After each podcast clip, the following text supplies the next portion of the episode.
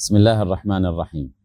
هذا هو اليوم الثاني من شهر رمضان والجزء الثاني من القرآن الكريم. وفي هذا الجزء الثاني من القرآن الكريم فيه فوائد وفيه عبر عظيمة جدا.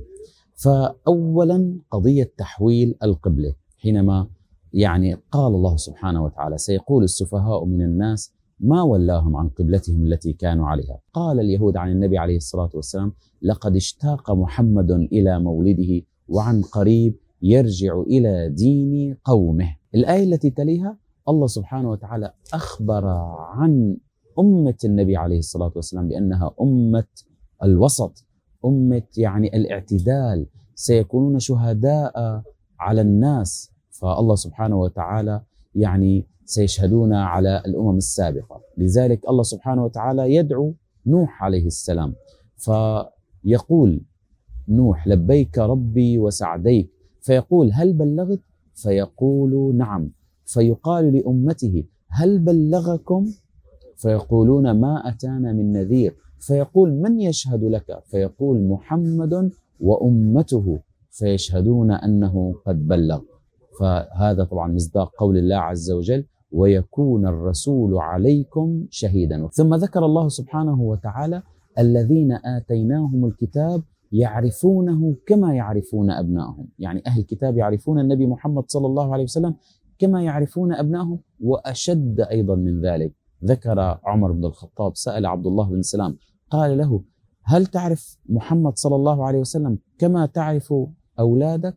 قال نعم وأشد فالأمين في السماء نزل على الأمين في الأرض وبلغه الرسالة فأنا أعرفه أكثر مما أعرف أبنائي.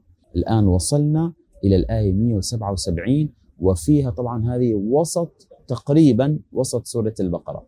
النصف الأول من سورة البقرة يتكلم عن أصول العقيدة يتكلم عن بني إسرائيل وأمراضهم والدروس والعبر المستخلصة من يعني بني إسرائيل. النصف الثاني كله تقريبا أحكام شرعية. في الصيام في الحج في الصلاة في القصاص القتال. أمور تشريعية. ثم ذكر الله سبحانه وتعالى بعد ذلك آيات الصيام. يا أيها الذين آمنوا كتب عليكم الصيام كما كتب على الذين من قبلكم. وأن شهر رمضان هو شهر القرآن. ثم ذكر الله سبحانه وتعالى قوله تعالى وإذا سألك عبادي عني فإني قريب أجيب دعوة الداعي إذا دعان. سأل الأعراب النبي عليه الصلاة والسلام هل ربنا بعيد فنناديه أم قريب فنناجيه؟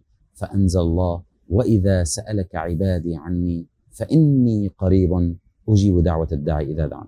ثم ذكر الله سبحانه وتعالى الحج وأحكام الحج وكان أهل اليمن لا يتزودون ويقولون يعني نحن المتوكلون. وحينما يأتون إلى مكة كانوا يتسولون الناس. فالله عز وجل أنزل وتزودوا فإن خير الزاد التقوى. ثم يأتي قول الله تعالى ومن الناس من يعجبك قوله في الحياة الدنيا ويشهد الله على ما في قلبه وهو ألد الخصام. وإذا تولى سعى في الأرض ليفسد فيها ويهلك الحرث والنسل. هذه نزلت في الأخنس ابن شريح. أتى إلى النبي عليه الصلاة والسلام مسلما ولكنه كان منافقا. وكان حسن العلانية يعني مظهره حسن جذاب لكن قلبه منافق خرب.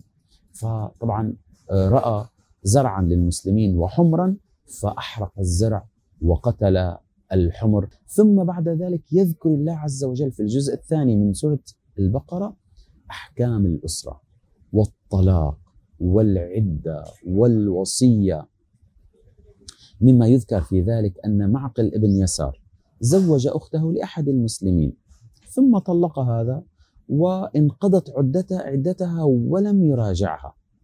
بعد ذلك يعني اشتاق لها وهي اشتاقت له فتقدم لخطبتها مرة أخرى. فقال له لقد أكرمتك وزوجتك وبعد ذلك تطلق أختي؟ لا والله لا ترجع إليك ابدا. فأنزل الله سبحانه وتعالى هذه الآية وإذا طلقتم النساء فبلغن أجلهن فلا تعضلوهن أن ينكحن أزواجهن يعني ما تمنعون أن يرجعوا إلى ازواجهن ثم يأتي يعني بعد ذلك آية إن تقرضوا الله قرضا حسنا يضاعفه يضاعفه لكم. فهذه طبعا لما نزلت هذه الآية أبو الدحداح قال يا رسول الله ربنا يطلب منا القرض قال النبي نعم. قال فإني قد أقرضت ربي حائتي يعني بستاني. وتصدق بكل بستان كان فيه 600 نخلة. وفي نهاية الجزء الثاني قصة طالوت الذي جعله الله عز وجل ملكا على بني إسرائيل وقصته مع جالوت وأن داود عليه السلام كان في جيش طالوت وقتل جالوت. وآتى الله سبحانه وتعالى داود الحكم والنبوة ونختتم هذا الجزء بهذه القصة وشكرا لمتابعتكم. وطبعا يعني أشجعكم على تلاوة الجزء الثاني ثم غدا إن شاء الله الجزء الثالث. والسلام عليكم ورحمة الله وبركاته.